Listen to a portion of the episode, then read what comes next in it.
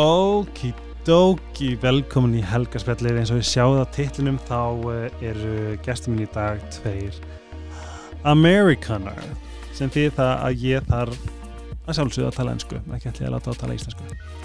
Eh, Þetta er svona augrandi skref og ég eh, kann ennsku fyrst og fremst út af uh, því að ég horfi á Friends allan daginn í grunnskóla sem því er að svona svona, já My American er svona alls konar. En uh, eins og ég, frekar augrandi en þessir tveir eru kennar í Yale háskólanum í bandarækjunum ásamt í að vera uh, tveir af um, rithöfundum bókarnar uh, Life Worth Living ég glemt þess ekki, það er bara að vera sem að það er alveg rétt mér. Og þetta er mjög áhugavert þetta er þess að uh, þeir kenna þennan uh, kurs í þennan áfanga í Yale háskólanum og ég fagna öllum skólum einhvers konar skóla sko öreind sem kennir sjálfs um, eflingu, sjálfstekkingu í mentakerfi þó að Yale sé kannski ekki aðgengilegst skólinn í heiminum en ástæðan fyrir þeir að þeir skrifa þessa bók er til að koma þessum skilabóðum, þessum spurningum e, áfram. Og það var rosalega áhugavert að tala við á það var margt sem að ég svona, svona þeirra uh, heimsbyggi og hugmyndir sem ég fannst mjög nýtt og spennandi. Og á, það eru örgulega að spá ég aðeins meira. Það er svona ég vona að að uh, þessi þáttur hafi verið uh, verði að tala við ykkur eftir að þeir fóru uh, verið fræðandi þetta eru tveir til dæmis þeir eru mjög kristnir. Eitt er að er um, jú, prestur eða pastor og þeir kenna eða þeir eru einhvers konar sérfræðingar. Þegar kemur að kristnum fræðum. Þess að það var mjög áhugavert. Markmiðið mitt í helgarspjallin er að á kynnast öllum trúabröðum eða svona markmiðið mitt er að fá til dæmis uh, geðing og muslima og alls konar svo leiðis í þáttinn. Og uh, en að, að öllu leiti þá var þessi fræðið þeirra mjög kærleiksvík sem að ég teka sjálfsögfagndi sem að sem kristni, ég trú að kristni er. Uh, þáttun er í bóði Sít og Kér Sleepy Starbucks og Ice Herbs. Ég þekki þetta? Þegar þið stiðið við þau þá er þið þokkalega stiðið við mig og er ég gríðalega þakklútur fyrir það. Uh, mér langar að hafa helgarspjallið alltaf opið og það er svona markmið svona ef þið er að leita nýri dínu harðu í vest í árumólunum, prófiði dínuna þið getið haft tvær um, mýktir um, medium og svo harða er svona það er þetta skipta á milli. Núna erum við pitað með mjúka eða sérst medium og það er unaður. Sítokær þau eru búin að vera með mig síðan 2020 og er í þeim alltaf sko byllandi þakklútur uh, með því að uh, prófa þessi þessa geggið vörur. Og þetta er svona vörur sem að maður sko þú prófar þær og þá, þá ertu svona já ok, að því að það er virka. Í þessu er eh, undurhafsins sem er græðandi, sléttandi. Þetta, þetta er eitthvað svona annað hvernig húðina mann lítur út eftir til dæmis serumið og, og gott uh, face cream bað ásamt auðvitað líkasvörunum uh, ég get með enguleiti uh, lifa án body scrubsins og body lotion body lotion sins ice herbs við þurfum alltaf að taka vítamin. Ef þið, ef þið eigið til að hérna, vesla í bónus þá er mjög auðvitað að grípa með ég mæli með að vera klálega bara með þessa hérna, klassík D-vitamin, C-vitamin sem við þurfum svo ógæðslega mikið og ég finn hvað ég er, ég er búin að hérna, löngu búið með C-vitaminu mitt þar að fara að kaupa meira og ég finn fyrir því og þið finn, sko þið heyrir öll á mér. Alveg í röglunu um, og svo Starbucks. Ég er svo gladur að Starbucks uh, kom inn. Þetta er alltaf bara algjört svona wú, ég veit ekki hver fyrir ekki á Starbucks þegar það fyrir útlunda en þið getið gripið bara hérna heima. En neitt til dæmis, bónus mjög næst að fá smá Starbucks inn á, á Íslandi. En ég vonaði njótið spjallsins. Og ég segi, ég eitthvað neginn ég held ég hafi ekki eins og hlusta á Íslands podcast sem talar sem hefur tekið viðtölu ennsku, mér fannst það ógeðslega gaman. Það er mikið af svona orðum og hugmyndum sem ég hef sem eru alltaf mjög mikið á ennsku sem ég náðu einhvern veginn að tólka út í þeirra. Mér fannst líka gaman að geta svona pingpongað við þá þegar maður heyrir að maður sé, að fara hérna, taka viðtalið tvo, tvo kennara í Yale og, og þessi hérna, bók er búin að vera á meðsölulistanum síðan hún kom út uh, hún var meðal annars í Today Show með sko sem var algjörlega algjörlega eða magna að horfa það er svona bara njótið vel ég er pínu feimin en uh, þið veitir hvernig þetta er takk fyrir að hlusta og að eilífi þakklútur fyrir ykkur að uh, kveikja á þessum litla blessa þætti mínum í hverskipti sem að kemur þáttur. Og ég er alltaf mjög þakklútur að sjá hvað kemur.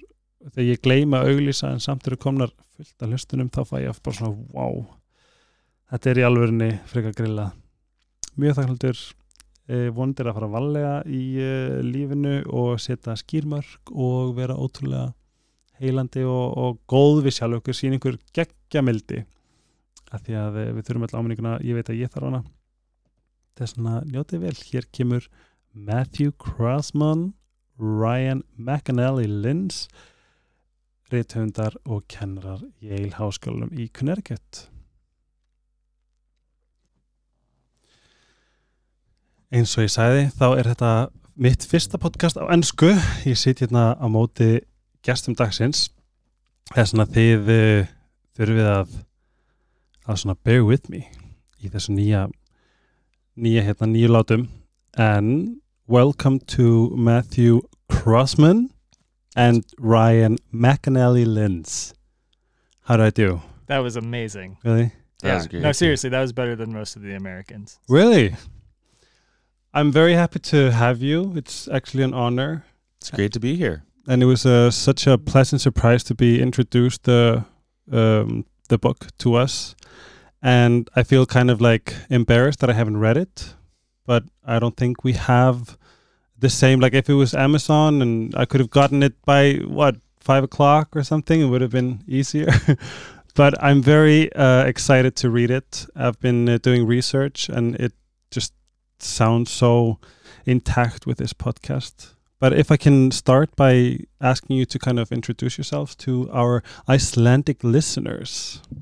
Yeah. So my name's Ryan. I uh, teach at Yale College and uh, work at the Yale Center for Faith and Culture, where uh, I do. I. It's great.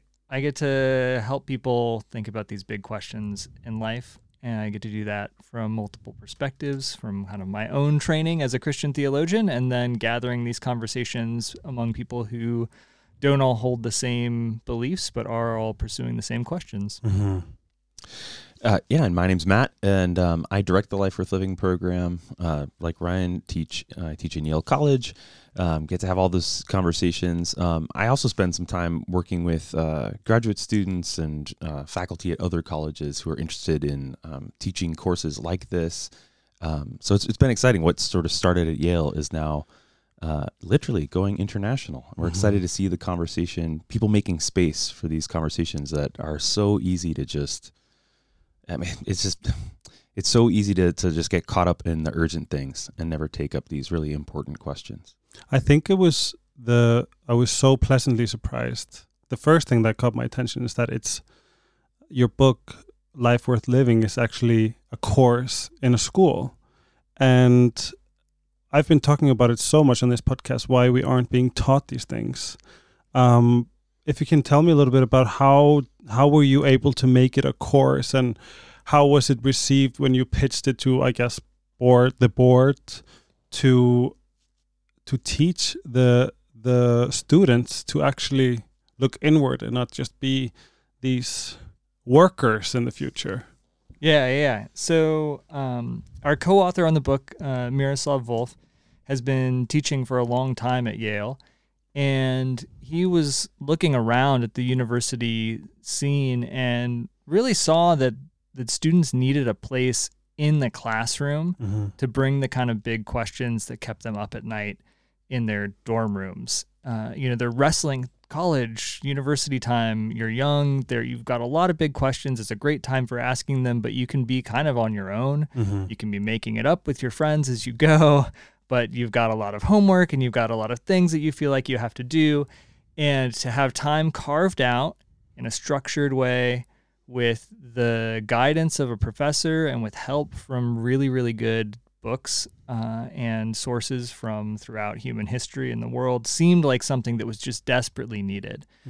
And uh, and so we we kind of dreamed up this this class that would be one that looks at um, you know what it means to live a life that's truly worth living, where students would be asked to answer that question for themselves.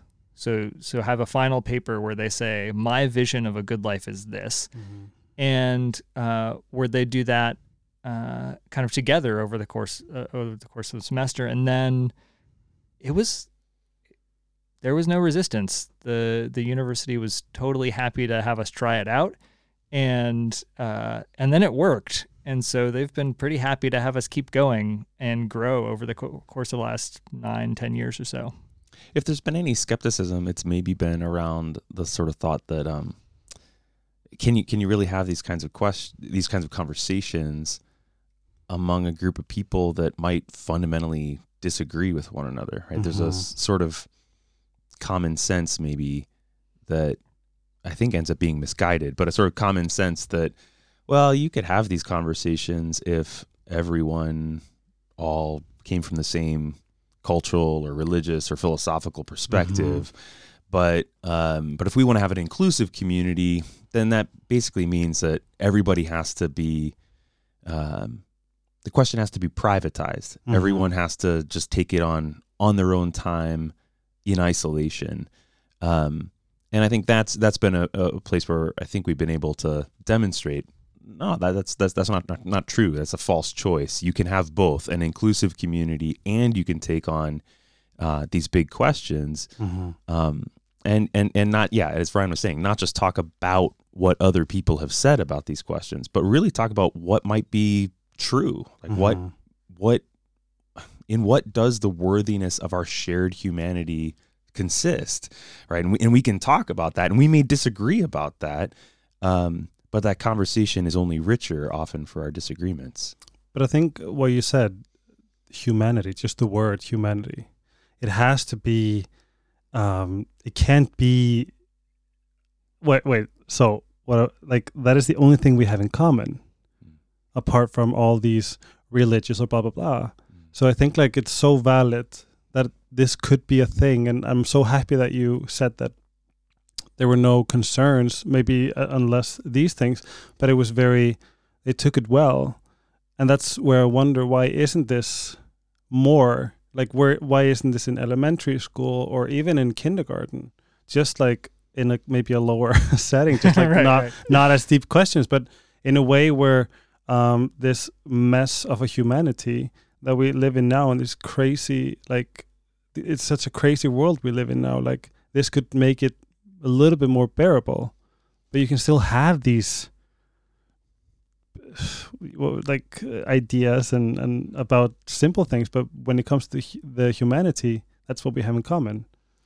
Yeah, and every time we've talked about these conversations and the ways they've been going at Yale, we keep getting pushed, you know, from educators and other contexts. You know, oh, I'm glad this is working at the university, but you know, you're really getting to them too late. You got to come Yeah. to, you know, to to to high school to, you know, f- folks are 15, 16, 17 years old.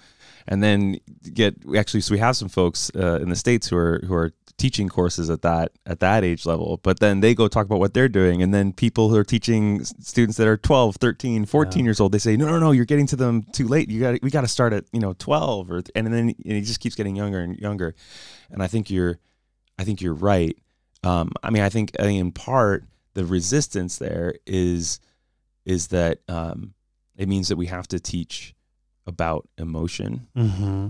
Which is a trend right now in in education, at least in the states. But it's a trend because it's addressing something that's been lacking. There's right? awareness. social emotional learning. Um, and it also, I think, there's it's also difficult because as teachers, and I'll speak for myself, like as a teacher, when I teach this course, I'm I'm not teaching as an expert. You No. can't become an expert in the No. meaning of life. It's impossible. Ooh, that was good. Right? so you so you have to if you're going to help people wrestle with these questions, you have to get comfortable with teaching and facilitating as a co-learner. Mm-hmm. as as an amateur alongside other amateurs who are trying to learn to choose wisely but choose wisely as amateurs because we're never going to get you know every every every little detail nail, nailed down And there's no one right answer anyway. So I think like, or is there? Is there? So, I mean, there there there might well be. Yeah. Um, you know, we're in that we share humanity. Yeah. I think that means we share a kind of horizon of of questions and concerns that that maybe in order to have a conversation we're kind of presupposing that we can communicate with one another and Yeah. that there's there's some sort of shared reality Mhm. out there and there might be a truth about that reality. Now, I think it's really important to distinguish between making claims of truth like that Mhm. and making um, absolutist claims, claims where you where you kind of assume that you have it all buttoned up, that you know every facet of it, and that your perspective it just can't be uh, can't be touched from the Mhm. outside, can't be reshaped by something new, isn't isn't open to revision. Mhm. Um, and I, I I think one of the things we're trying to say is you don't have to give up on the on on um, on having a sense that there that there are some at least right answers. Mhm. Um, and maybe wrong answers, and whether there's one or or a couple or whatever, that's a, that's open for debate, right? Yeah. But you don't have to give up on the category of there being right answers in order to have a conversation well, and in order to um, to be respectful and loving towards each other Yeah, you're right. that that can be part of the process Mhm. and but it's really that it's it's um getting rid of the sense that your choices are no right answers or we're all absolutists and we all think we're only right all the time and Mhm. everybody else can go to hell Yeah. right that's um if we can get out of that then i think we're in the productive space of dialogue Yeah, there's a Yeah. lot of space in in between those two things, and and just a, I- I think I think one concern that I have on on this is if we if we take the the thought that, uh, yeah, there's uh, it sort of becomes an orthodoxy for us, almost a dogma for us that that there is no one right answer. Mhm. Um, then we can lose something, something, some of that sharedness. Yeah, we're no right. longer sharing something, right? So I, I often tell my students, you know, toddlers, uh, two or three year olds, when you watch them play together, they don't play together; they play next to each other. Mm. Um, uh, develop, developmental psychologists call this parallel play Okay. right? So each one of them is doing their own thing, playing their own game. Um, and I worry that if we have this sort of, uh, if you've got your answer, I got my answer, we're doing we're doing moral parallel play. Yeah. Um, we're just we're sort of deciding that that we don't have enough shared together. Um, but if we, so I think there's a sort of, I think of it as a sort of mark of maturity in a certain sense for us to say like, all right, let's let's move past. That was okay for the toddler stage, moral Yeah. parallel play, right? Like maybe it's good to give one another some space. Maybe that's an important step. Can we take that next step though to say, hey, is is there is there is there a project here that's shared, a game that we can play together? And in doing that, maybe that's that's not to uh, that wouldn't in any way threaten how much I would respect you.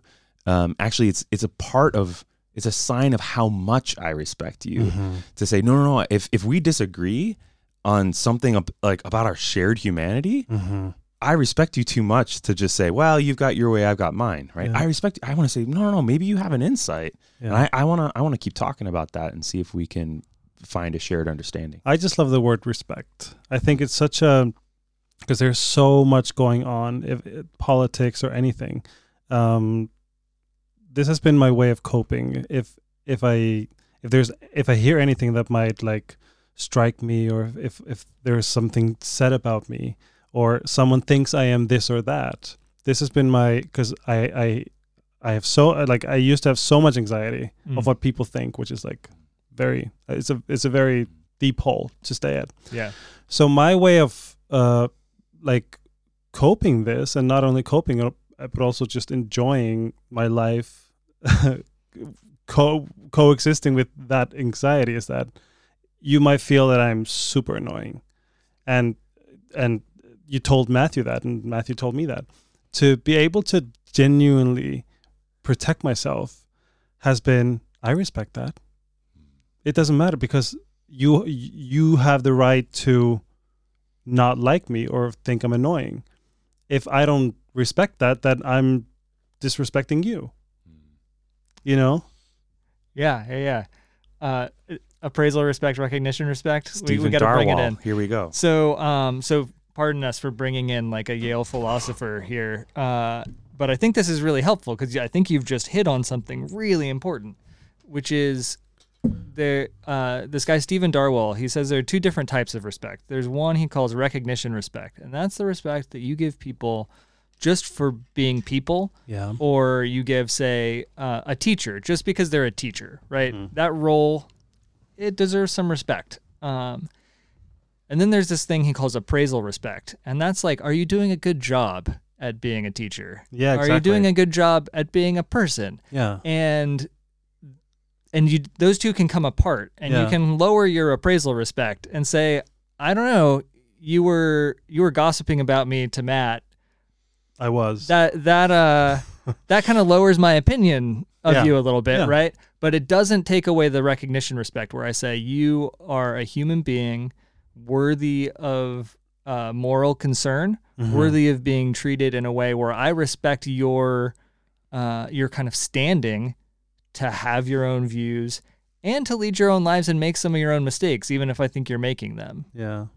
And even just what you said at the at, at the end, you you said something about I have to respect that's you that that is your opinion of me, even if I don't like your opinion of Yeah. me. Um, that would that would then be part of part of recognition. Respect is allowing the other also to make their own appraisals, their own uh, judgments about whether we're doing what is good or or right or Yeah. yeah.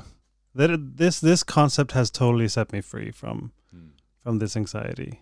But I want to I want to talk to you a little bit more about like the the course and the book mm-hmm. because I feel like it's such a good like I don't know the, if the ri- right word is pillar, but it it, it is like a, a thing where it is a course you teach, but it's also something that we can purchase, and it can be come to homes and maybe teachers that would teach something in their own class or something like that. And I really really respect that. I like all of my respect is is to towards that, especially because it is a course.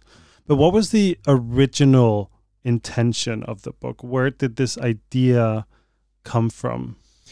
I mean, the more we talked about what we were teaching in the course in the mm. college, the more people we found. So it started as a course. It Yeah, started, started as a as a course. course, Okay. right? So we had taught the course for seven or eight years by the time we started writing the book. Wow. And the reason we started writing the book was because the, was because the more we talked about the course, the more people outside of the university environment said, "Boy, I, I'd really, I'd love to take that class. Can I, is there a way that I can, you know, can I sit in on your class or do you record your lectures? But we don't really do lectures. Mm. They're discussions, right? wow. Because again, we're not the experts. We're inviting people into conversation. So that took a little bit of time, honestly, to figure out how do you write a book that's an invitation to conversation or Mhm. invitation to reflection. Um, but once we sorted that out, I mean, it became it was really really clear to us and something that we really we needed, we wanted to do, we needed to do, um, because we think these questions, they're human questions. Whoever we are, we need to wrestle with them Mm-hmm. they're they're questions that don't just come to you when you're university age, when whatever age that might be. They come back in midlife crises. They come. I mean, I've I've had conversations with folks about the shape of a good life for whom you know with our student our undergraduate students their question is when i graduate from the university you know what will i do with my life Mm-hmm. but you can have the same conversation or even in certain ways like a richer conversation with someone who's nearing retirement Yeah. and they're saying, "Oh, after I retire, well, then what? What What is going to give my yeah life meaning and purpose?" Um, so whatever season of of life we're in, I think these these questions are there, and I think they're important conversations for our communities to be having. I our greatest hope, you know, Ryan's been sharing with me every once in a while when we hear from someone, oh, you know, I'm, uh, I'm, I'm going to sit down. Someone tells us I- I'm going to sit down with a friend of mine or a neighbor of mine. We're in two different religious communities, or one of us is religious and the other one isn't. But we're going to read this book together. and We're going to have conversations about what really matters. Those, especially in our American divided American context, we need those kinds of conversations where people are really connecting with one another across lines of difference Mhm. and and in pursuit of that uh, that that shared humanity. I heard uh, it was such a nice thing. It, I think it was from the Today Show, uh, where she says, "So many of us have forgotten to think and question ourselves in why we are doing what we're doing." And I thought it was so good, and I think it's just like it's such a it's such an important thing to hear because some of us, like so many people, are just getting through the day, like Yeah, and I mean, like there are a lot of features of our world that make it so that a lot of us live just trying to get through the day, Mhm. right? Like that's there's no judgment on on folks who are doing that because that's No. that's what most of us do most of the time. mhm. And at some level it's okay. Like if we were just stuck in constant cycles of of reflection and introspection and we're thinking about ourselves, it just it would be a little crushing Mhm. honestly there's there's probably more to life than that but um but it is, it is really important to be able to get to take steps outside of that every once in a while yeah. and say i've just been churning along on this path right? Mhm. each day brings with it its own goals its own challenges. Maybe sometimes i think what am i trying to do a month from now? What do i want my life to look like a year from now or whatnot? To be able to step back and really say why? Why do i want my life to look like that?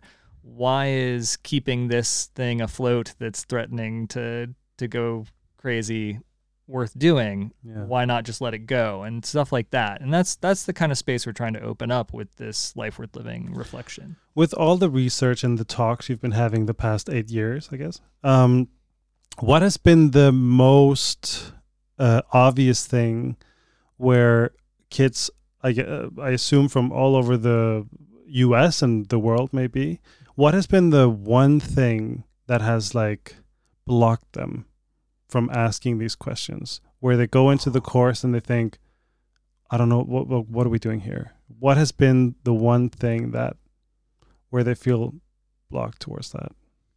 that's a really good question we probably have different answers, but we can both take a swing at it. Um, it is a great question.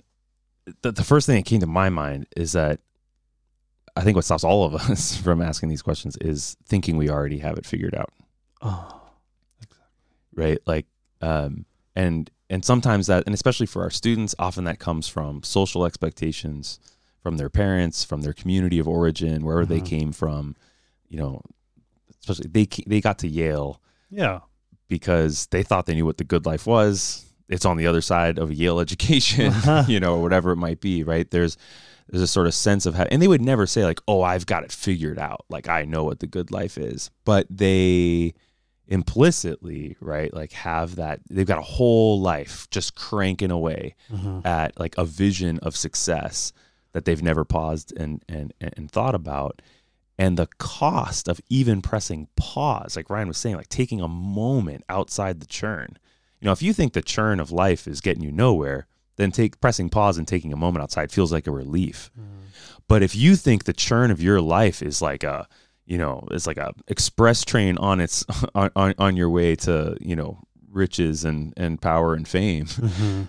then pressing pause and considering is really, really risky. Yeah. Yeah, that's a good one. I, I think sometimes there's a block of it just it feels like you're leaving solid ground Mhm. a little bit. And uh, especially for Yale students who have been very good at moving through the solid ground that's been provided for them, Mhm. uh, whatever that looks like. That seems risky. It's like opening it's opening a door you don't know what's behind it, and they're pretty used to opening doors that they do know what's behind it. Mhm. It must be interesting to to have, let's say, the first day of the course, to see everyone so different, and again, like we talked about, the one thing that they have in common: humanity, but coming from all aspects of life. Isn't that like a? It must be. It, the first mean- day has to be weird. Oh, the first day's great. It's so good. Really? I love it, right? Yeah. Because they're coming. They are. They in, in our course. They come from all over the university. So there's engineering majors and and English majors and philosophy. ma- I mean, very few philosophy majors. There just aren't that many. Uh-huh. History majors and psychology majors and biology majors. And there's people, as you said, from all all over the U.S. and many many places around the world. And but there's this energy on that first day, right? Because I mean, we don't have every student at the university in the class No. they've these are the They these are the should, students who have chosen Yeah. to do this. Well, I don't know because I what part of what makes it so great is that they've chosen to be there, right? Yeah. And so they share actually two things at that point. They share humanity and they share a question, Ah. right? They share a, they share a hunger, they share a search, whatever you want to call it, right? Mhm. and and that the energy of that um and now it may come from different places. For some of it's it, some some folks come in the room and it's desperation. It's i don't know if my life is worth living but i hope it is and i hope i could better understand what that's about by taking this class.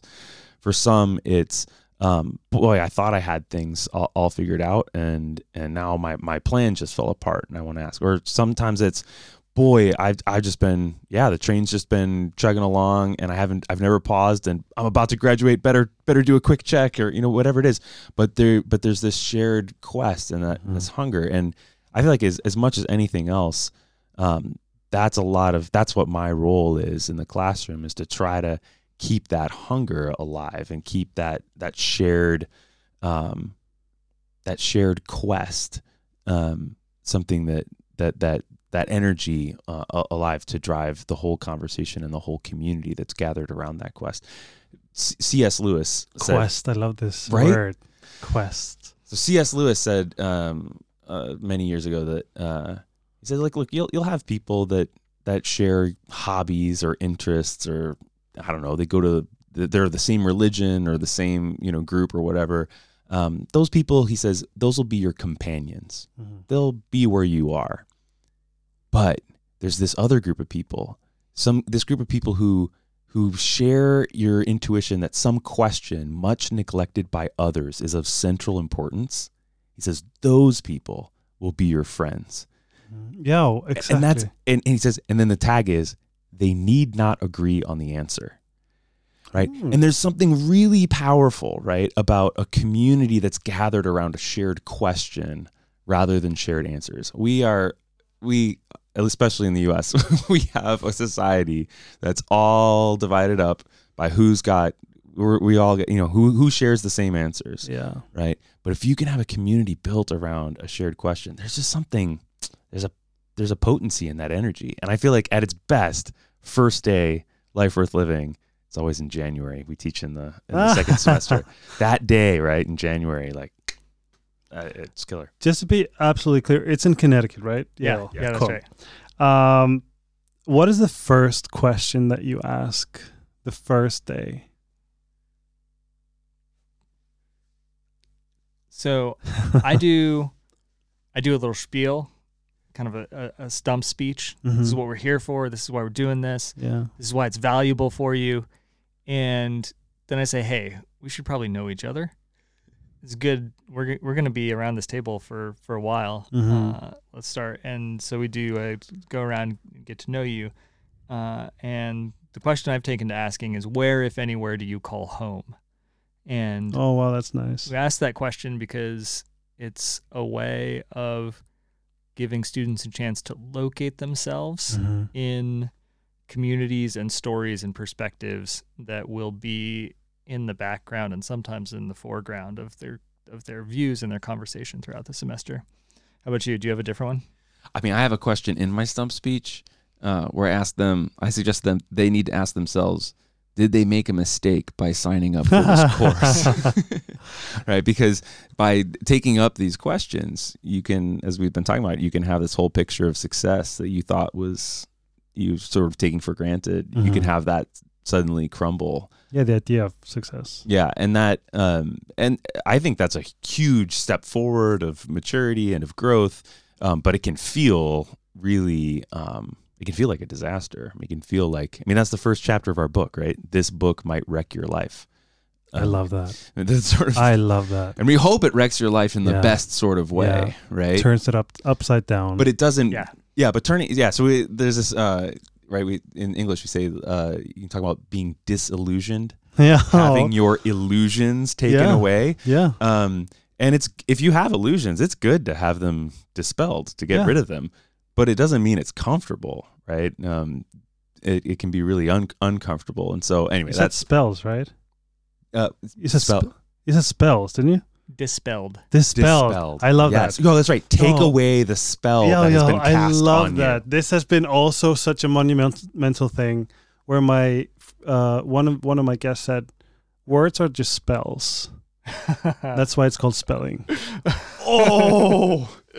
So I can say something to you, and if you choose to believe it, that becomes your reality. Yeah. So within these, like going inward and seeing, like, yeah, that's why you said Yeah. this this spell. I'm gonna steal that from you. Well, and I mean, I I'll, I tell my daughter, I'll t- I tell my students too, anybody who will listen, you know, the the actual lives that we lead, like the the things that we do, Mm-hmm.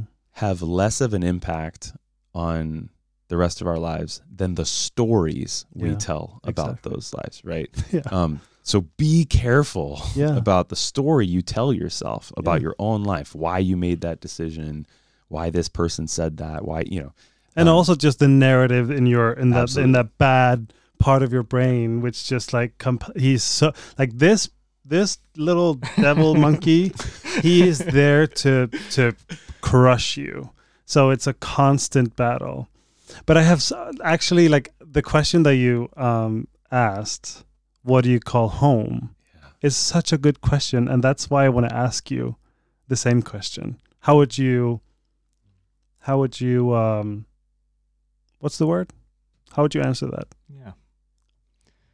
because i know like i like i i went straight inward like holy i think i'm wait and i think i know Yeah. So, hmm. I this is such a good question honestly i'm like my brain is going like so there was a time when I would have answered this question in what I thought would have been a very enlightened sort of way, mm, where I would have said, "Home, you know, it's a matter of of people and relationships, and so." So home is where the kind of the people I love are, and, Mhm. and even when I'm away from them, I can be home with their their love for me and all of that sort of stuff. And one thing that I have come to think as I've gotten older, and I I hope a little bit wiser, is that place matters a lot more than that answer gives it credit for. Place. Yeah, yeah, and a physical place yeah, physical place and the and the kind of the ways that our human relationships happen in places and make those places special and different for us and Mhm. layer them with meaning and then the places act back on the relationships and shape them and how they work um, and so now i now i think i grew up in, in southern california Mhm. and that that was home for a very long time Mhm. in in really important ways. There were important people there. Uh, everything there shaped me from the way the weather feels uh, on a summer evening to uh, how the space is laid out and you have to drive everywhere and all of this sort of stuff. Um, but I left that a long time ago, and it was a very long process to get to the point where I could say, you know what, in an important sense, not the only sense, but in an important sense, Connecticut is home. This place that honestly, it don't it doesn't have that much to recommend itself. Oh, was there grief where you had to where you felt like southern california wasn't home Um, it was slow and low grade. okay It was there. It, it um, it, it it was kind of there was a gradual dawning on me that hey, like this is where my kids are from, Mhm. Connecticut. Uh, this is where my friends, for the most part, are like the ones who I actually live with and among, the people who I who I count on, who I depend on uh, for the daily interactions and and daily support, and um, and I just had to recognize like I was being kind of like proud and arrogant to say no, like I'm still a Californian. Mm. Uh, like that's that's still that's still me. I don't belong here. Why would I belong here? This is not a place that people belong. This is a place people come through to study at Yale and then go away. Mhm. And to accept it, I think has been has been really important to come and see a place and say it doesn't have to be perfect for it to be my home. We don't kind of go around and survey the entire world and say, "This is the best place. I will make it my home." Right? Home is is given to us a lot more than than we choose it. It's funny because I'm I'm going through it right now where this concept of home is actually something that I'm grieving because it doesn't Mm. feel like it anymore. So I feel kind of lost. Oh. But another thing that I, this concept of home, is that I've been helping uh, women and, and men out of abusive relationships where they Mhm. are being uh, gaslit and their like their perception of reality reality is is is becoming completely toxic and confusing. And so whenever they make the step because I don't I don't tell anyone to leave anyone. They need to feel it and that's just a fact. But whenever they do um, the first thing I say is that welcome home. Hmm. welcome back. Because it may be it be, it it may be a house and it's so messy and dusty and the living conditions are going to be so harsh of of polishing this home back that have been like trashed throughout the years. But this has been a really good good concept to be able to see like your whole neuro physical body as a, as a home that you have to take care of. And I went to uh, Thailand because I wanted to just be this yogi mumbo jumbo bloopity play, and this is where I will meditate, and this is where I will get all of my my mm, enlightenment and blah blah blah. Because I had a beach and a hut and a all this, and I went there for a month, and the only thing I learned in this whole um, this trip was that I had the same brain there as I have here. And that was such a moment for me. And it was such a crazy thing to realize that I spent all this time and money and energy to only learn that. so this is why this book actually this is that's where I come back to the book. Like it has to it has to happen with it like here right now doesn't matter where your physical body is that's that's how i see like the concept of home. It has to you have to be your home.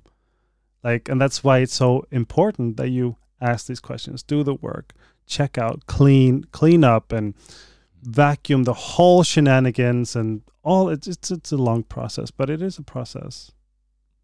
Yeah, it takes work, and and it, and a change of external circumstance isn't gonna change an internal reality. i could have really- heard that a little bit before i went to thailand that would have been But- nice Well, and moving to Thailand is not the only is not the only way that we do that, right? We can we can do that by thinking like, oh, if I could just change my job, or well that you is know, a, that is actually that might actually work well, that's I mean that's the tricky thing, right? Because sometimes like you're you're talking about abusive relationships, right? Mhm. One one thing they do is they create a warped kind of pseudo home that no one is going to understand that by the way Okay, so like a what a neural what Uh, so like they they they create create this twisted version of what's a reality of that's kind of like per- pretending to be a home, yeah right? Yeah, yeah, yeah, It- yeah. It's um and sets itself up as the only home there is Yeah. inside this this abusive relationship, Yeah. right?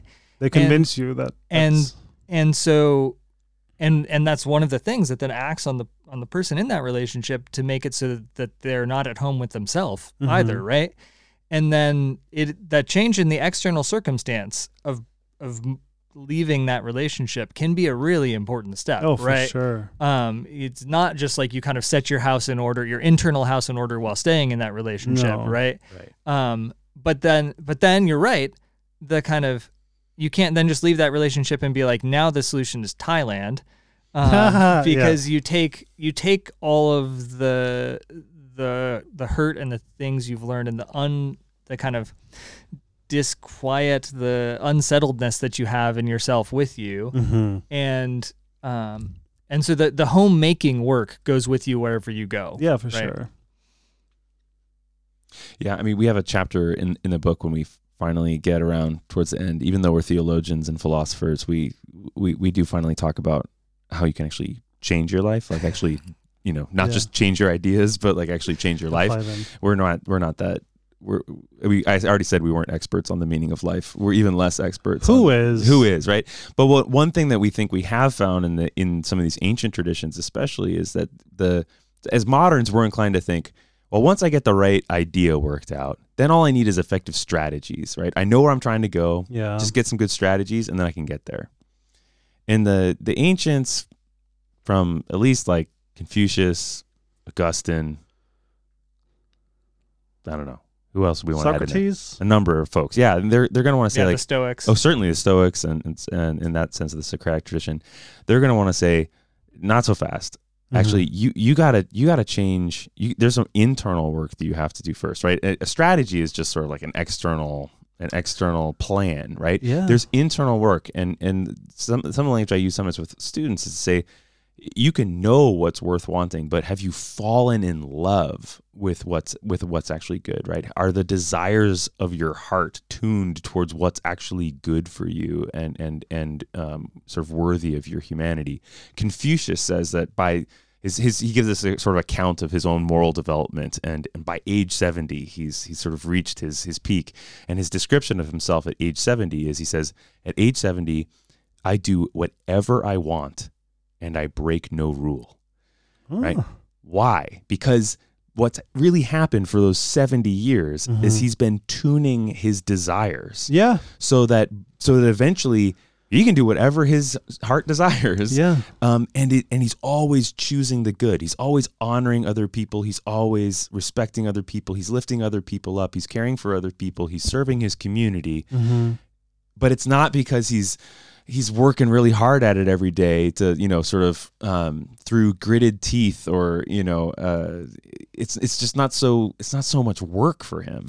He's actually doing it because he loves it because he's fallen in love with this this picture of of a good life. I, I like I don't know if I'm I if, if I'm understanding it correctly, because you said like it's the eternal work, and what you like I I, I like to I like to use the concept um vib vib vibrations Mm. vibrancy. It's called Re- that. resonance. No, just like we're all we we all we all have a um like we all have a a, a vibe like Frequencies were vibrating. at. frequencies. Thank you. Like Yeah, so I feel like that you kind of just um y- like it's the same concept as manifesting.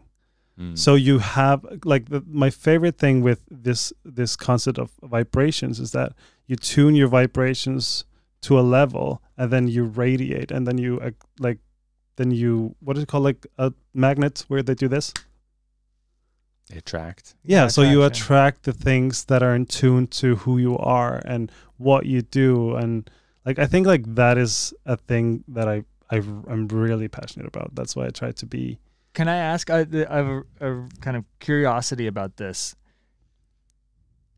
My my intuition is that you would also attract kind of resistances to right like I, I don't know. I think we live in a world where there where there there are conflicts and clashes a lot of the time. And so so if if if you're kind of like at a certain frequency, there are going to be harmonies, things that that Yeah. really vibe with that. yeah. Um, but I I feel like there will also be kind of like clashes, and you'll and and and you would uh, at some level like attract them, like draw out. Yeah. If your vibrancy like is intact with that, you would definitely. That's why people, you know, people that are like constantly with drama, constantly in in like there's always drama. It's because they they radiate more.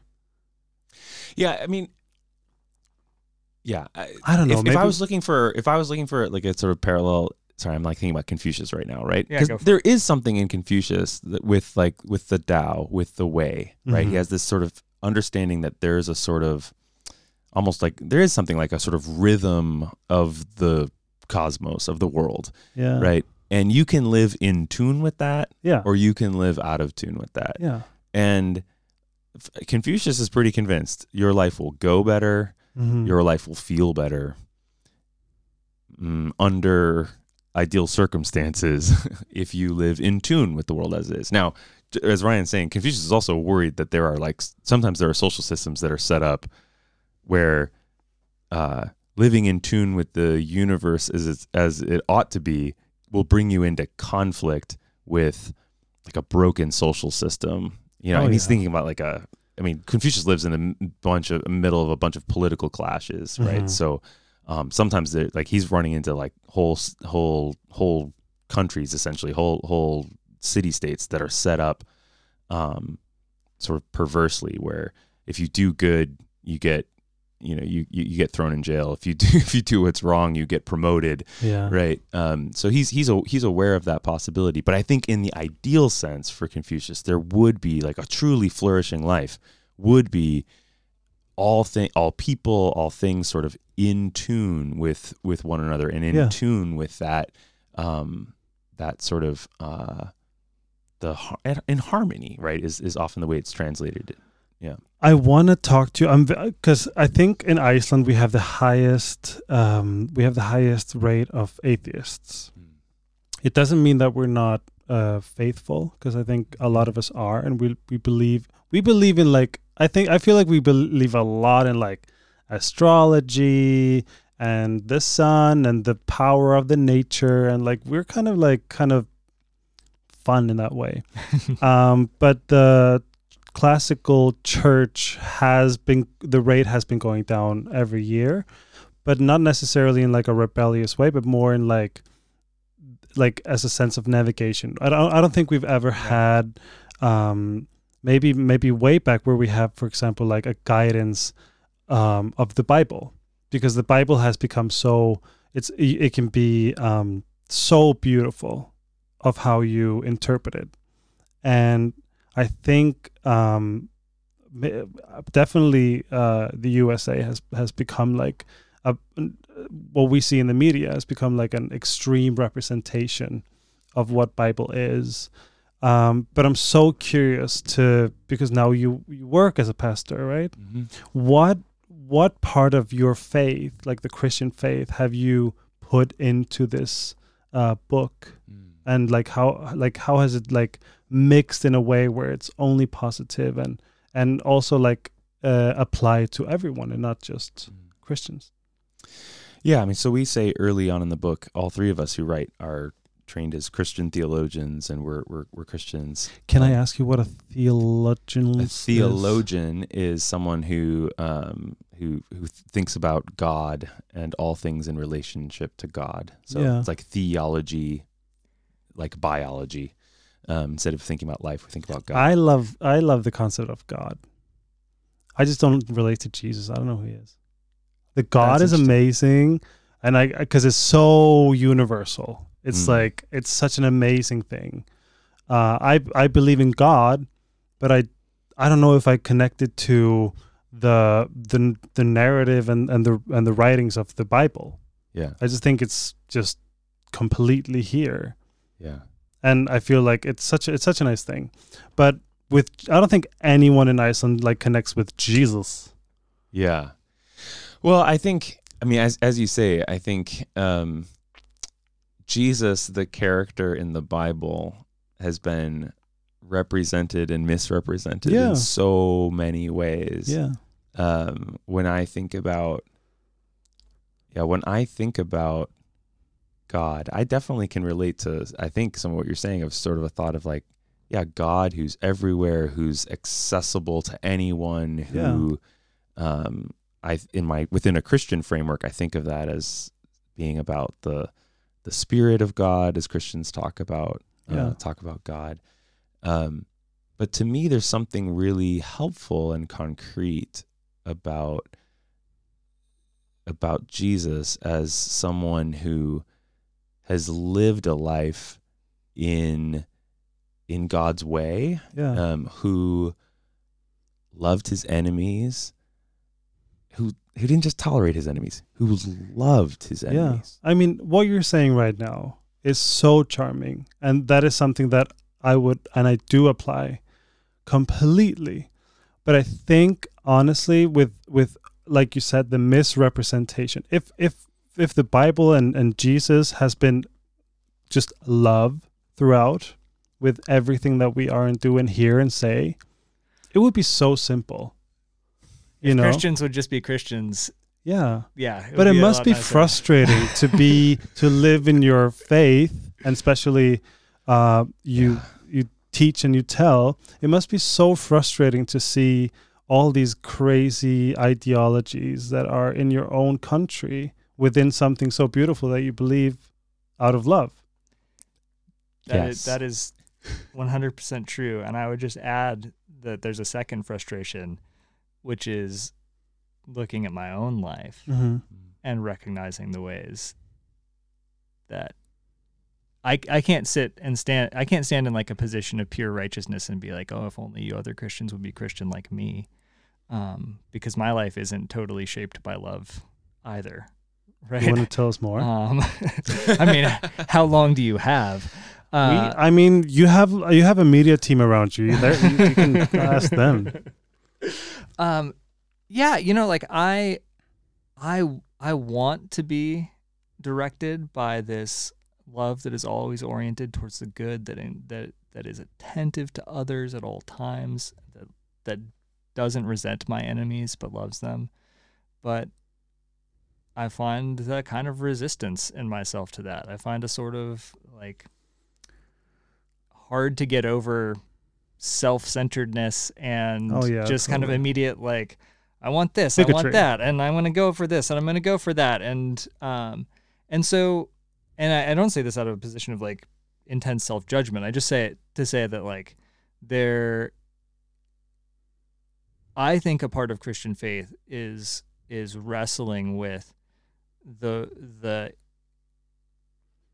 really hard to escape gap between who we know ourselves to be and to who we know ourselves to be called to be hmm and who we find ourselves actually in in in daily life. And it's and and that but that tension is a really generative place. That's Mhm.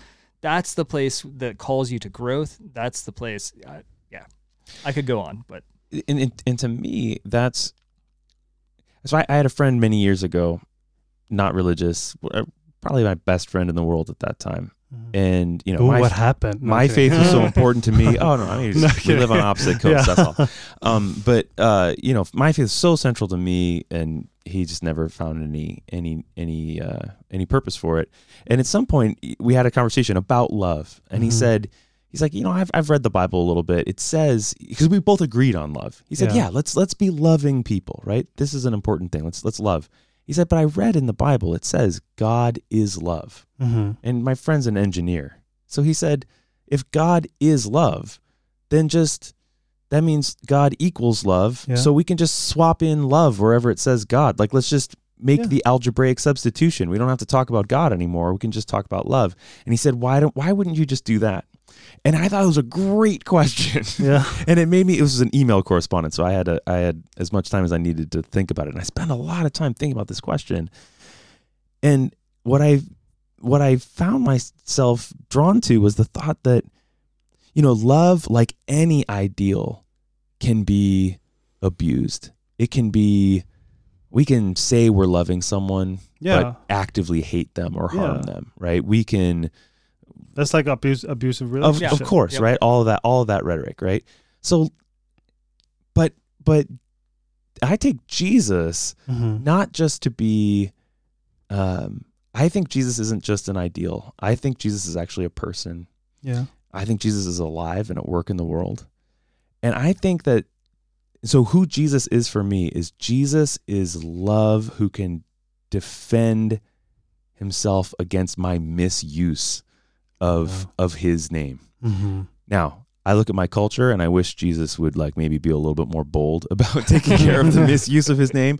Um, uh, but but I but I do I think I think if we're sensitive to to to this living active presence, right, the Spirit of Christ, or right, which I think is the Spirit of love, which Yeah. to me is different than just love, because love is just an idea that we could fall short of, and I do, and we do all regularly fall short of. But a spirit of love, like a presence, a person who is love, hmm I have a lot more hope for that because that's that that's that's if I could grow to be sensitive to that and Yeah. be shaped by that, then I might actually I might start living a life that's better than my best ideas, right? um, it might actually start to take on this character from like the capital O outside. I mean, that for me is why I need God. Right? Wait, I, say that again. I need something from the outside, like Yeah. outside my own head, Yeah, yeah, outside yeah. my own, and and and I think um, that's so. So to me, that that's that's where God becomes this possibility because we often ask our students in, in class when we look at a Christian vision of a good life among the many you know Buddhist and utilitarian and and and Jewish or is uh, Muslim whatever we're looking at when we do look a bit at a Christian vision of a good life I often tell them um you know, ask them is is for Christians as far as you can tell from these texts do Christians think it's possible to lead your life well to like live a good life And what was the answer? Oh, well, they, they argue about it, but I, I think it's in some sense the answer is no. It's it's just actually just not possible for you to do that on your own. But but the Christian claim is that it is possible Mm-hmm. um, if if God is at li- is is alive within you, Yeah. um, and that that gives me real hope because that's been my experience of my life Yeah. is that I'm not that good at being good. but the hope, the right, that God might come and and, and, and and fill me. It sounds like maybe maybe we're on the same page, and I just find I some, feel- something really I'm- useful in language of Jesus. yeah. that- I, I haven't read it, which is fine. so I but I I do believe that we're speaking the same Yeah. language, Yeah. the language of love. Oh God. Well, and I, well, and I think, look, I I've I've walked with students through processes of walking away from Christian faith while in my class Yeah. as a Christian yeah. right? It was like kind of an awkward thing to explain sometimes to people, but sometimes, um, sometimes we have to walk away from from a, a religiosity, a, a religion, or a, a faith that wasn't that that we were invested in a sort of false version of it, and actually can be a step fo- a step toward God to walk away from religion. Yeah. Sometimes, I just believe that um, what I believe is that I, what I what I find in like very unfortunate is that something that people hold so sacred and and positive and personal and guidance and strength and all that can be uh can be a pillar of hate elsewhere. Yeah. I think like that is the I think Iceland is so small that we can we, we like it happens very quickly here. So, but but as far as faith, like a, a lot of my friends, like mod, uh, my age, they just call it the universe, Mm. which is basically the same concept as God. Mm. But um, quick question, because I, I want to I want to move forward. God damn it. Um, oh, so sorry. In the presence of a pastor, I'm so sorry. um, is is your like because because you're from the USA and you grew up with faith, is is there anything within your faith that is um like hindering you from something? And like by that what what I'm saying is that same sex marriage, all these things that are like not not a, not a um not a what what am I saying? It's like these things that are like controversial within the Christian faith somewhere. Is there anything there that is like conflicting for you? And you can be told like I like whatever you say, I respect. I remember, like I said in the beginning. Yep. Well, look, I, I, I think it's plain. I mean, I'm a, trained as a Bible scholar. I think it's, I think it's quite possible to read, to interpret the Bible in ways that are quite supportive Yeah, of same-sex marriage. Um, I, I think it's, um, I think, uh, I think sometimes it's it's thought that either either you have to sort of respect tradition or uh, be you know inclusive Yeah. um, and and embracing all people. I, I I think that's a I think that's a false choice. Mhm. Um, I think there are deeply, I think there are ways of deeply honoring uh, the theological and the Christian tradition that are nevertheless um, affirming and uh, embracing uh, of of queer folk. Um, you know, one, one thing that we talk about in our class is we we talk about this um, distinction that actually it's a Confucian scholar of uh, that we read makes a distinction between uh, living through tradition or traditionalism. yeah, Um, and actually, he quotes a, a scholar of the history of Christianity, Jaroslav Pelikan, who said that uh, tradition, uh, tradition is the living faith of the dead. It's the living faith of the dead. So you mean like it can it can expire? It, it's the it's No, it's- it's, it's- living on in our lives Ah. of the faith that was held by people before us. Mm. Whereas traditionalism is the dead faith of the living, right? Is the is the is the is the kind of just like holding on to forms Yeah. right? Um, and I think we we try to offer students that framework hmm to because it's not just uh, it's not just the Christian tradition, right? Like any number of different um, uh, religious, cultural kinds of traditions can go through these sorts of processes hmm where um, students can come in and think, how how how could I find anything of use, you know, down down that road? hmm and yet there's something i think there's something really we lose something of our humanity if we cut ourselves off with the past um that's not to say the past has all the answers right But don't you gain from it? absolutely right so so that's where i i think it's i think i think i guess this is what your question is is driving me towards right is there something Yeah. i feel like i i have to compromise on or some some sort of like like i'm caught between two things um in terms of you know But it doesn't have to be like same-sex marriage. Just anything. Just anything with the, the, the tradition of the faith that like that Yeah. that hinders you or or something like that. I I think it's uh, the reason why I'm asking is that I've never had because I'm very like I my dream here is to have a Muslim on the in the seat and a great Yeah. Jew Do on it. this like that's why Yes. I, because we are very uneducated within Yeah. faiths well so let me so or so religions. so let me take the word hindered in this direction Yeah. right um my family we we cel- we observe a sabbath a day of rest once a week Oh, you should have more. It's so good.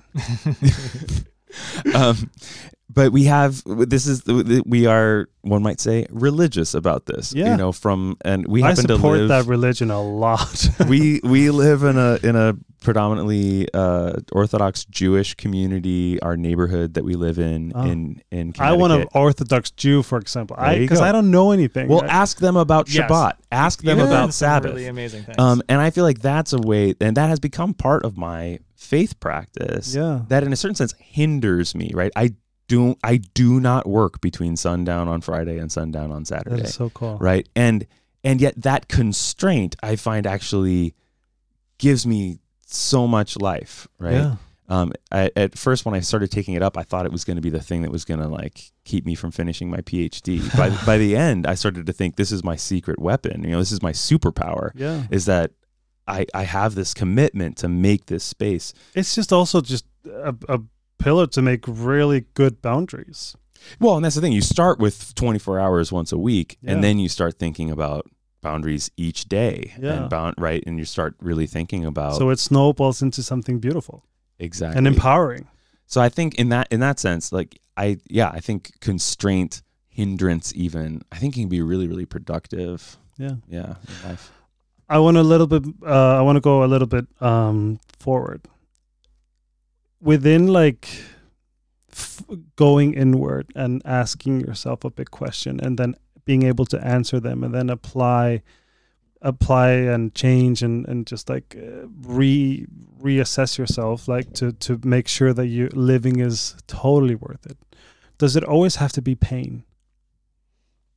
No, no, No? it can be great. Uh, I, I mean, I think one of the things that I try to do in my classroom, and I hope one of the things that somebody who reads the book feels in the book, is I, I try to create a space where we can enjoy the, the searching, the conversation, the questions, and Yeah. and there you can't seal yourself off from pain. If you mm-hmm. do that, I think you're you're sunk. There's Yeah. no there's no way you're gonna get you're gonna make any real progress on these questions if your if your like guiding goal is don't feel any pain. yeah, um, but because enlightenment is painful. there it can be right, but there can be moments of just sheer joy, Yeah. epiphany of realizing, oh my goodness, that's what I've been after Yeah, or it had never occurred to me before that this way of treating another person is what I've been yearning for. yeah. I, you know, there, there's, you can have these deep connections. You can learn an insight. I've never thought of a story like so and so just told across the class, but now it totally reshapes the way I see how they've been acting and how I understand myself, and that can be a really joyful process. It doesn't have to be pain, but again, if you if you block out the possibility of pain, Yeah. then you're probably not going to make any progress. I really want to read that book now. It's should. like you know, yeah, of course. Like I think I'm, I'm. I mean, I'm gonna. It is it in Iceland now? Yeah. We It- can it's there here? there are at least 50 copies of the book. In Eymundsson. Yeah. Yep. Perfect.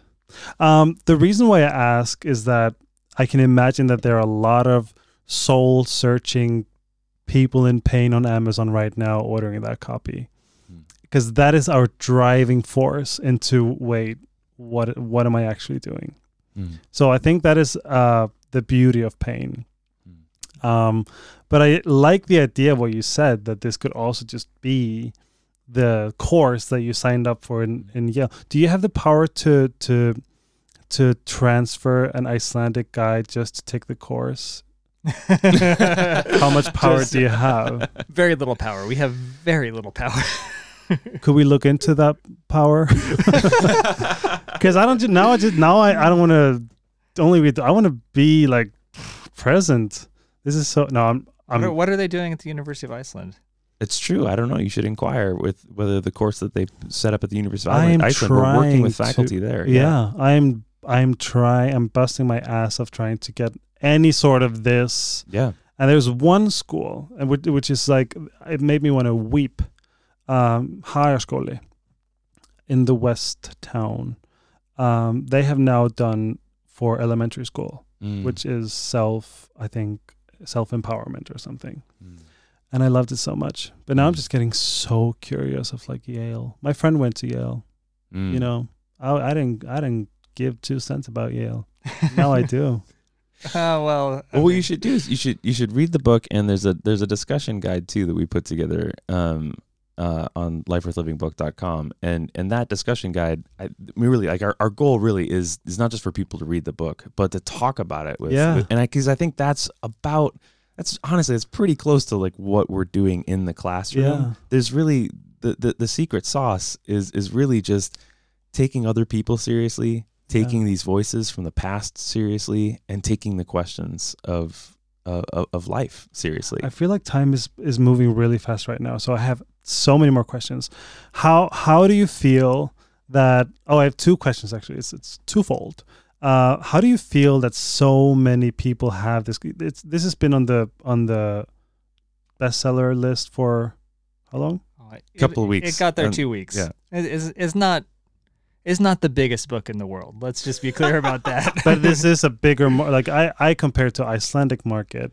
So my next question is, how rich are you now? Did you drop? Did you buy a Range Rover yet? yeah, no, it's No. it's not Range Rover money. No, No, no, not in the U.S. no. All which these- is a good thing. I mean, I I I subscribe to the view that too much money is a very dangerous thing, and I'm Totally not, and. I and I am not to be trusted with it. So I just uh, the the thing is like what you don't realize is actually like the USA for us, which is just a television thing and a media thing, looks very chaotic, but also very extreme. like you see this celebrity got this book deal for like however much money, and Right. then they got that, and then next printing, and everything is very glamorous, chaotic, crazy and like this this is actually the only concept of USA that we have and usually when we have uh, people from the states and they're so normal and nice and actually the nicest tourists that we get are from the US but it's such a You f- almost never hear that. yeah, that's That as an American, that sounds we're very gonna take odd that me. home and brag about I that. yeah I hear that actually in the US but when they come here I don't know it's just they're always I I live in the downtown and I have a dog and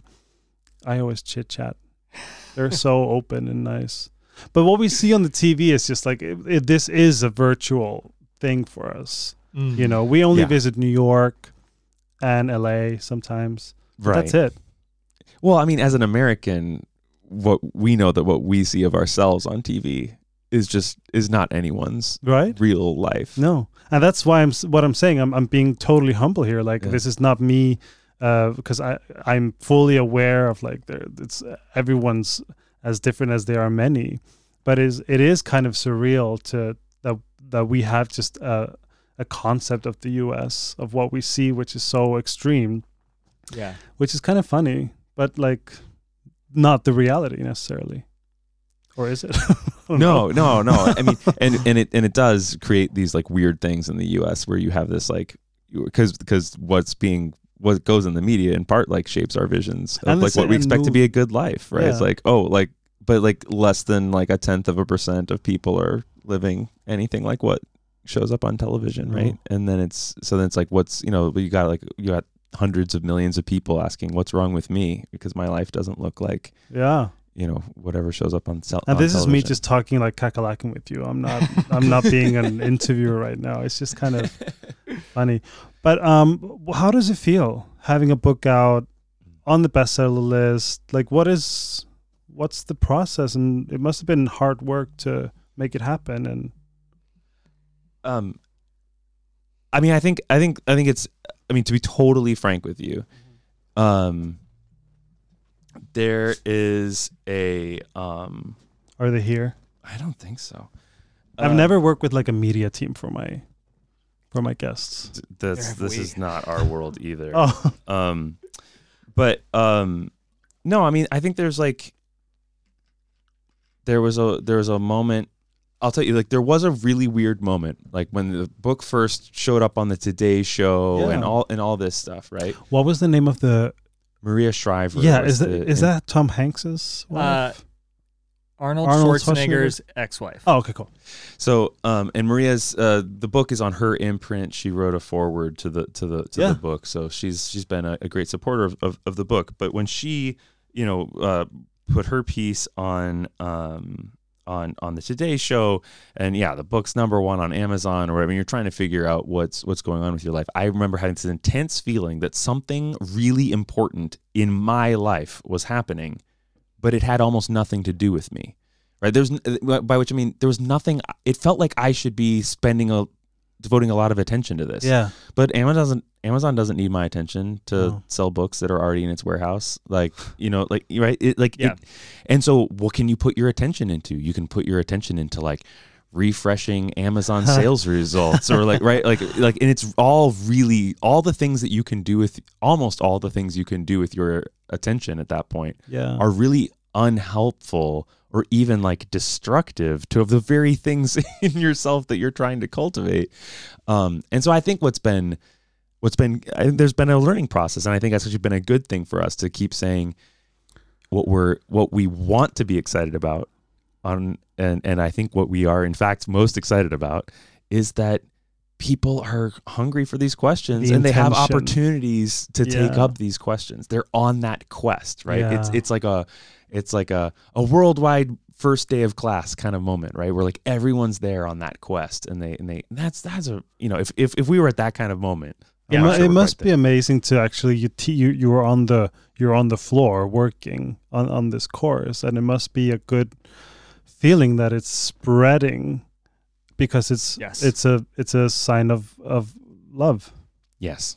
Yes, that's that's that's what I want to be excited about. Yeah, And it's it's hard because you only get little glimpses of that actually happening, yeah, right? Most of that happens, like Matt was saying, where you don't get to see it. Um, and it's really hard not to slide into the wanting the attention to turn to you yeah. rather than to be on the stuff that really matters. Mhm. So I one thing I wanted to talk to you about is or, or like ask about. I have so much anyway. Um because I'm so interested in like how, how our neurological brain works, past traumas, background, um, where we come from, what kind of home do we come from. Did you have to put that into account where you were making up, like making this course happen? Like, is this like is do because everything is so individual where people's background is. Like, how has it been navigating that to to an, each individual being able to answer uh, questions?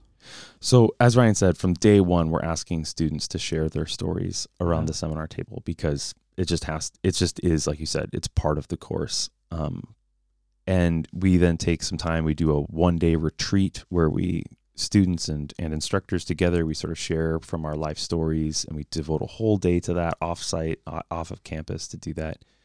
And and so we we really try to make sure that people's stories are accounted for in that way because um, we can learn from them. Mhm. Um, they can be, as you said, sort of challenges, or they can they'll, they'll frame the questions in particular ways for us, uh, depending on what our story is. The, the other thing is we have um, there's a there's actually a a a field in education uh, developing these days called trauma informed pedagogy. It just means Pedagogy. pedagogy, right? Thinking about teaching Teaching. right? So trauma informed teaching, and um, and actually this week at the workshop that we're running here in Iceland. Um, Wait, you're having a workshop? yeah, yeah, with with all these faculty, we've brought faculty and graduate Oh, like students from the schools, Yeah, okay. yeah, yeah, yeah.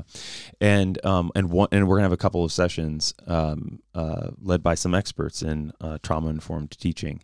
Um, Wow. because it is important because it can it can bring up these sorts of questions for students and these experiences all of a sudden for them. Yeah. So, um, ah, the question left my head as soon as I got it. So, um, hold on a second. Yo, what I wanted to know, how is it like?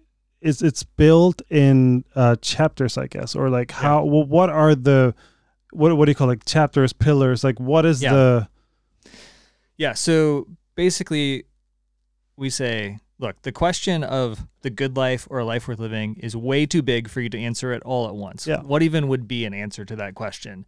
Let's break it down into a bunch of smaller questions. And so most of the chapters of the book go through still, admittedly, very big questions, but more focused Mhm. and they'll present a question. So, like, who do we answer to? Mhm. Like, who are you responsible to in your life? And we'll describe the question, lay it out. These are di- some different senses of responsibility. This is what we mean. Then we'll give some different answers that other people throughout history have have offered you. In that case, it's you know here's what um, here's what Confucius thought. Here's uh, a story from Islam. Here's the philosopher Immanuel Kant. And then we say, now it's your turn. And we kind of leave the leave the chapter with a set of questions for you to do, reflect on, so that you can begin to answer that question yourself. And we walk through, got a couple chapters in the middle to say, how do you put all this together? yeah. Because you could imagine answering a bunch of questions and those answers not fitting very well together, and then you'd wind up with total incoherence. Um, and then we'd spend a bit of time at the end, like Matt was saying, on how would you, what would it look like for your life to actually change to start to fit better Mhm. with your real sense of what matters most in life? my question is back in my brain. My uh, question was, what has it what has it changed for you personally? If you paint me a picture like how you were before, before you Mhm. got into this whole um, Yeah. philosophy, I guess. Um, what has it given you? How has it enriched your life, and how has it challenged your life? I think I have a really different picture of what it means to be a teacher. Oh, um, I think I had a an idea of teaching that was kind of like uh, knowledge transfer. Like I was just gonna like I know some things, and by the end of the class, hopefully you will know those things. yeah, Um, and I think it's just completely changed that. Right, where where teaching now is a matter of sort of learning alongside the students. Um, trying to champion a set of questions and keep bringing us back to those questions, turning us to one another, helping us understand one another. Um, so that's I think that's that's a really big change in my life, um, and that's even helped me sort of integrate my own sense of self as a teacher. That like, Yeah. oh, maybe this is really not just like a thing that I do, but in part who I am. Because I wouldn't want who I am to be like someone who dispenses knowledge, um, but I might be a person who convenes communities who seek after the truth of our lives. Um, and so I, I think that's that's a huge thing that's changed for me. Yeah, I think I would echo a lot of that, what it means to be a teacher. I think that I have, I was never very comfortable having these kind of conversations with people outside of my faith Really? Yeah. Um, because talking about anything faith related seemed really risky, like I might alienate people or like I might lose something. Faith or just feelings? Uh, faith. So Okay. feeling, I mean, I've got hangups on feelings too, but they were not as deep as the uh, as the faith Oh, side okay. of things. Okay. Um, and so one thing that this that that this kind of teaching has done for me is is because I'm encouraging other people always to to be more open and to speak from where they are and to let their convictions show and to um to learn how to dialogue about those things. I've had to do it myself too, and um, and I think I've become a lot lot more comfortable with that, and hopefully better at learning from other people and better at expressing um, what I have to say as well. And then there are particular questions where I've where I've learned really important stuff. Like I think I had a default answer to the question, "What does a good life feel like?" That Yeah. was, "It feels good," and I've um, I've kind of changed my views on that through What is- what through is this process. Um, given that the world is a very mixed up place with lots of wonder and lots of mess, Mhm. um, a good life is going to feel complicated.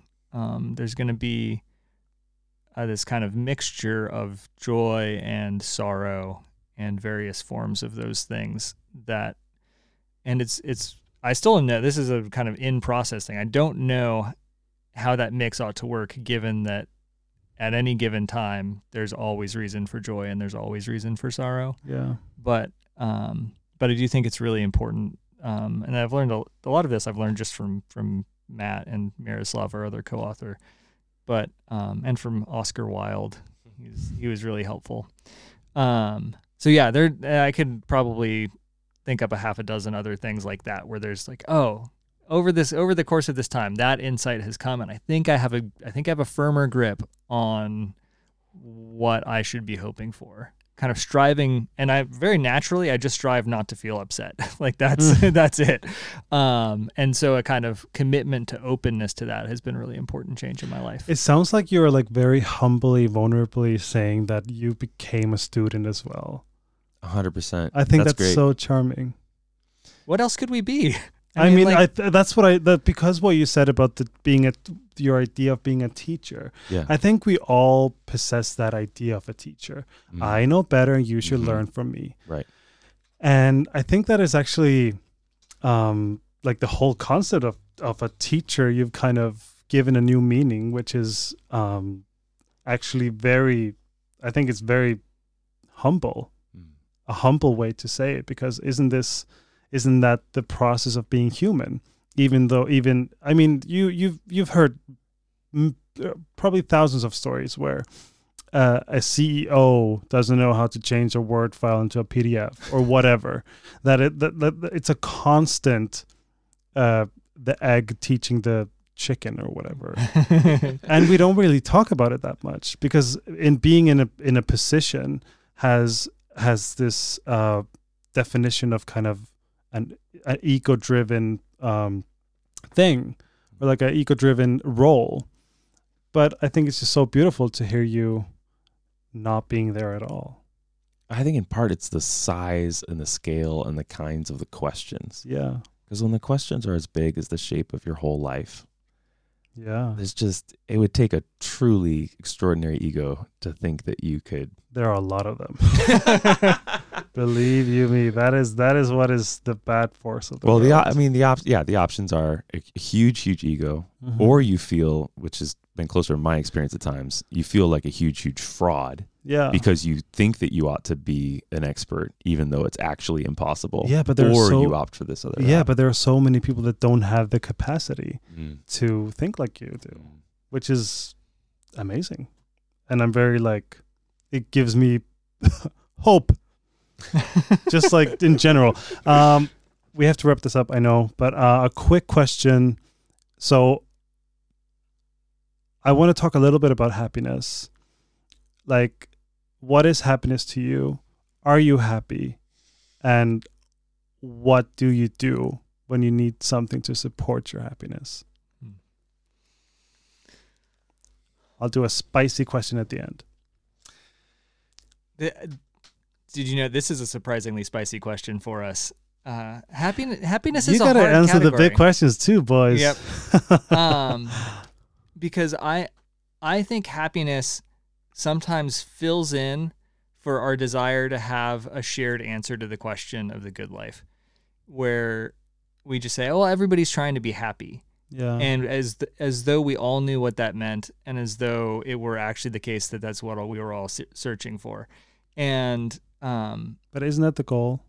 well so it's not everybody's goal that's that's one of the big big lessons you learn studying this sort of stuff is that um that The, Bud- the ancient the goal- Buddhist the ancient Buddhist nuns are not trying to be happy. Con- are they trying to be content? Yeah, perhaps. And and there's that's actually a big difference. But isn't that the same? It's not. I mean, it- Isn't not content- So- not according to them. so you could define happy as that which humans are trying to be And then saying and then everybody's trying to be happy but that's just circular right you've said nothing. Um, so so I want to say like modern American happiness at least, like what we th- the what we think of when when contemporary Americans say the word happy is not the same thing that an ancient Buddhist nun is after. But what is happy to Um, you then? so so kind of just at a, a natural level. So I think of happiness as a, a kind of uh, sense that things in my life are going well, and I'm in touch with them going well. Yeah. And I'm I'm noticing that, and I don't know if this is a good definition of happiness or not, but uh, but I do think that's I think that's a valuable component of a good life. Yeah. Um, and But do you strive for more? yes and no. Okay. So at a kind of at a kind of reflex level, like just uh, just chugging along, I think yes, I'm I'm kind of always searching for this, and, and often in misguided ways. But at a more at a deeper level, what I'm going for is to live well hmm and to let the happiness and other feeling related things follow from that Yeah. um, to respond well to the world. And I, I, you know, I'm going to have my kind of Christian ways of saying this to respond well to, God, Please, to yeah. God's call on my life in the Mhm. world, and um, to be open to that leading of the Spirit that Matt was talking about, and To be open. open to the leading of the Spirit. Yeah. Okay. Um, and then sometimes that's going to feel like joy. Sometimes that's going to feel like sorrow. So, and, and I don't know if that will be a more or less happy life, but that's not the chief aim. At least that's that's what I'm hoping is not my chief aim. But are you saying that um like maybe your happiness is just living within your within your truth? So I would hope that that is fulfillment, and I might use the word Fulfillment. fulfillment more That than happiness. Yeah. I I want to hold open the possibility at least that Yeah. there are things more important than happiness. Really? Yeah. I think the truth is more important than happiness. But isn't happiness just a part of the truth? If Pharrell is right, Yeah, I mean, so we actually at the beginning of our this this reference is getting really stale now. it's so old. But in an early lecture in the class, we do every once in a while lecture. We give two lectures the whole semester. Um, one of the, in one of those, actually, in asking exactly the some of the questions that you're asking here, Really? I proposed to our students that as it it, it turns out because you know Pharrell Williams has this song "Happy," Cause right? I'm happy. There you go. alone if you feel that happiness is the truth. Clap along if you feel that happiness is the truth. And I and I say and I say to my students like I'm not so sure. Like it turns out one of the most important questions in your life is should you clap along? And I'm not at least I- I'm not ready to clap along. And I I'm really- not because the truth is actually very scary. the truth is scary. The truth, I mean, the truth of what's happening in our Yeah, world yeah, is yeah. frightening. It should make us angry, Yeah. not always happy. It Yeah. should make us. It should The truth bring is us actually the enemy. sorrow. Well, I, Oh, the truth so is just real. I mean, I, I think so. Anyway, so I, and the truth is not the only thing I think matters more than happiness. I think love matters more than happiness. I think justice matters more Isn't than love happiness. happiness? See, I not always. It has some of it. No. I and mean, so so like for at least from from my version of Christian faith, at least like part of part of the hope, yeah, part of the faith yeah, is that ultimately there's a convergence between the kind of fulfillment of Yeah. the individual in something like happiness and all these other things that actually matter more than happiness. At the capital, at the But that's- end but of that's the like- world. That's that's not something I can hope for like tomorrow. because happiness for me is like just all good feelings you can be you can be you can be excited that doesn't mean like i'm happy but is a part of the happiness scale But but what about? I mean, this past year, Ryan and I both attended a, a memorial service for a friend's uh, child who was stillborn. oh I, the feelings that I had that we had in that moment, those- that wasn't that wasn't happiness. It wasn't part of happiness. no I think they're fundamentally part of the good life, though, in in the world as it is right now. And there was and there was something, a shared sorrow, a shared Yeah. grief. There is a sort of like maybe yeah. There there's some there's something beautiful about it, hmm but I don't think that beauty is it feeling good. no but it may be like love I think Yeah. it's love, and yeah, I no, think I think that's that was a what concrete that was a that was concrete love Yeah. right there. yeah And that's that made it meaningful, it made it good, it made it beautiful. It didn't feel good. no and it shouldn't. but that's the same with like funerals right. it's sorrow and love dancing together Yes, right. Sorrow or, or grief is love that bereft of its lo- of its object. Love that has nowhere to go yeah, and, and in that sense, that that that grief we can see that grief as really beautiful because of the way that it reflects love love, yeah but it's not gonna feel good. And, I, and to me, that's a sign that love is more valuable than happiness. Yeah. So you don't want to str- you don't that because I'm like now I'm just reflecting and just I like that's the only thing I'm ob- ob- obsessed with. That's happiness, because I'm I've, I've struggled and I work Mhm. tooth and nail to to to become because happiness is not yeah you know it's like all these like it's just a hat over so many things Hmm. and i think like being at peace is like the like a my my biggest part of happiness and boundaries and just being in a con- contentment and alignment with who i Yeah. want to be and who god wants me to be I think you're talking about a broad sense of well-being in that sense. yeah And, and and and that and that I could get on board with. And the other thing I just want to make sure that we leave room for is, you know, I said at only at the end of the world, but I think it is right that we should hope for.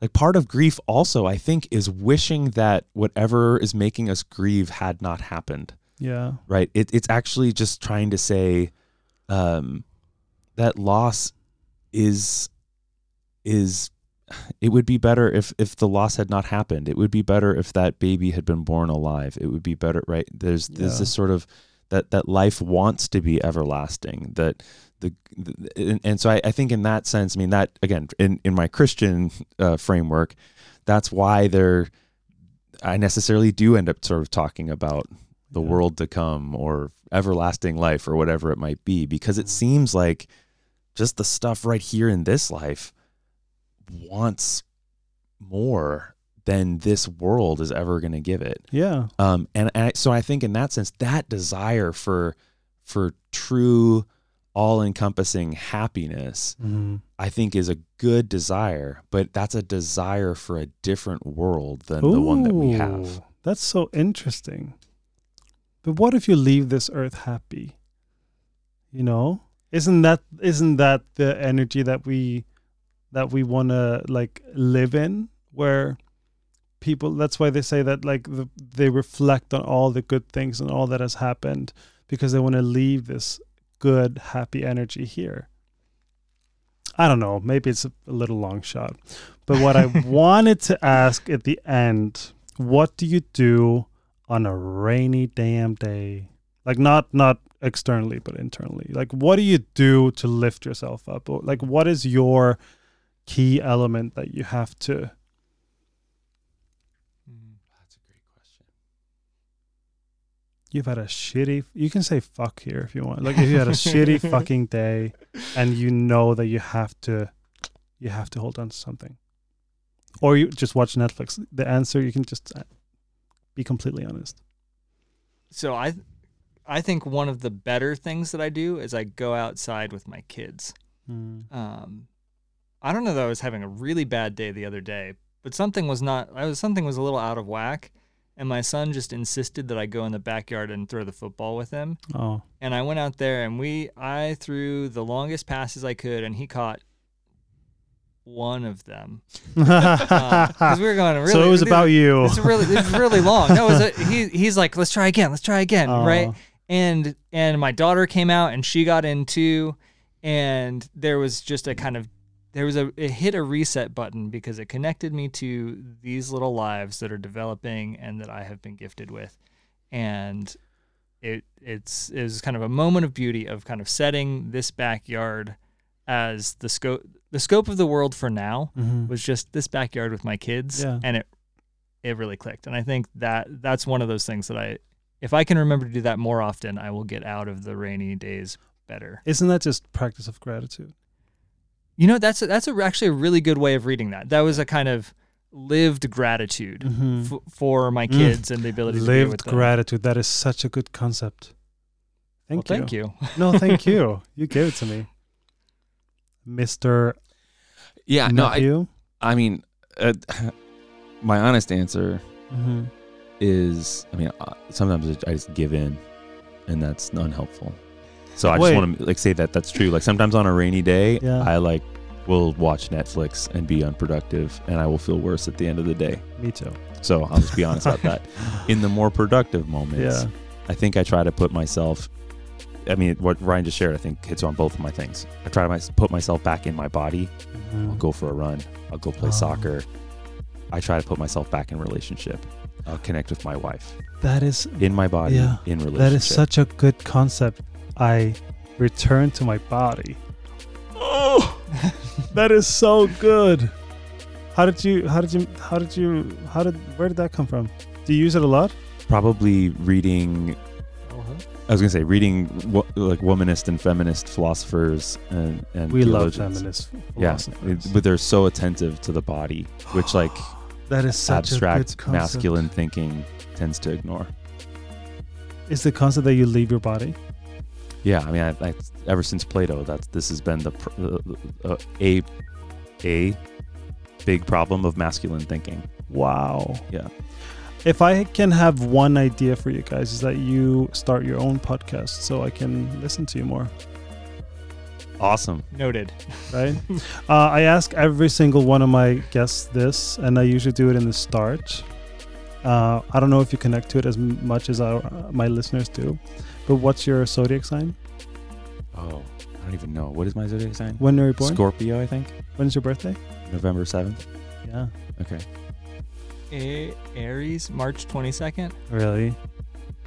did i get it right Mm. March second. march 22nd Oh yeah, yeah aries both pretty intense. You seem so chill. Anyways, uh, if if we ever connect again, I will probably do a little zodiac reading for you to give you to Alright. give you an introduction to my world. That'd be a first. amazing Yeah, it's a it's a good guidance to understanding this whole shenanigan. Swear to Jesus. Swear to God.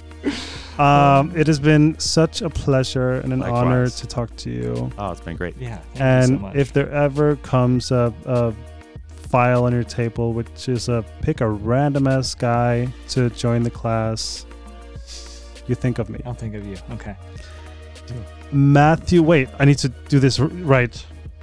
The names before we leave. Matthew Croman, Crosman. Crossman. I have it here now. Matthew Croasmun and Ryan McAnally Lins. Such an honor. Enjoy Iceland. Enjoy Thristur and Djupur. And please take some of the Starbucks uh, so I can make you feel a little bit like home. Thanks thank so much. you so much for hosting us this has been wonderful Thank you.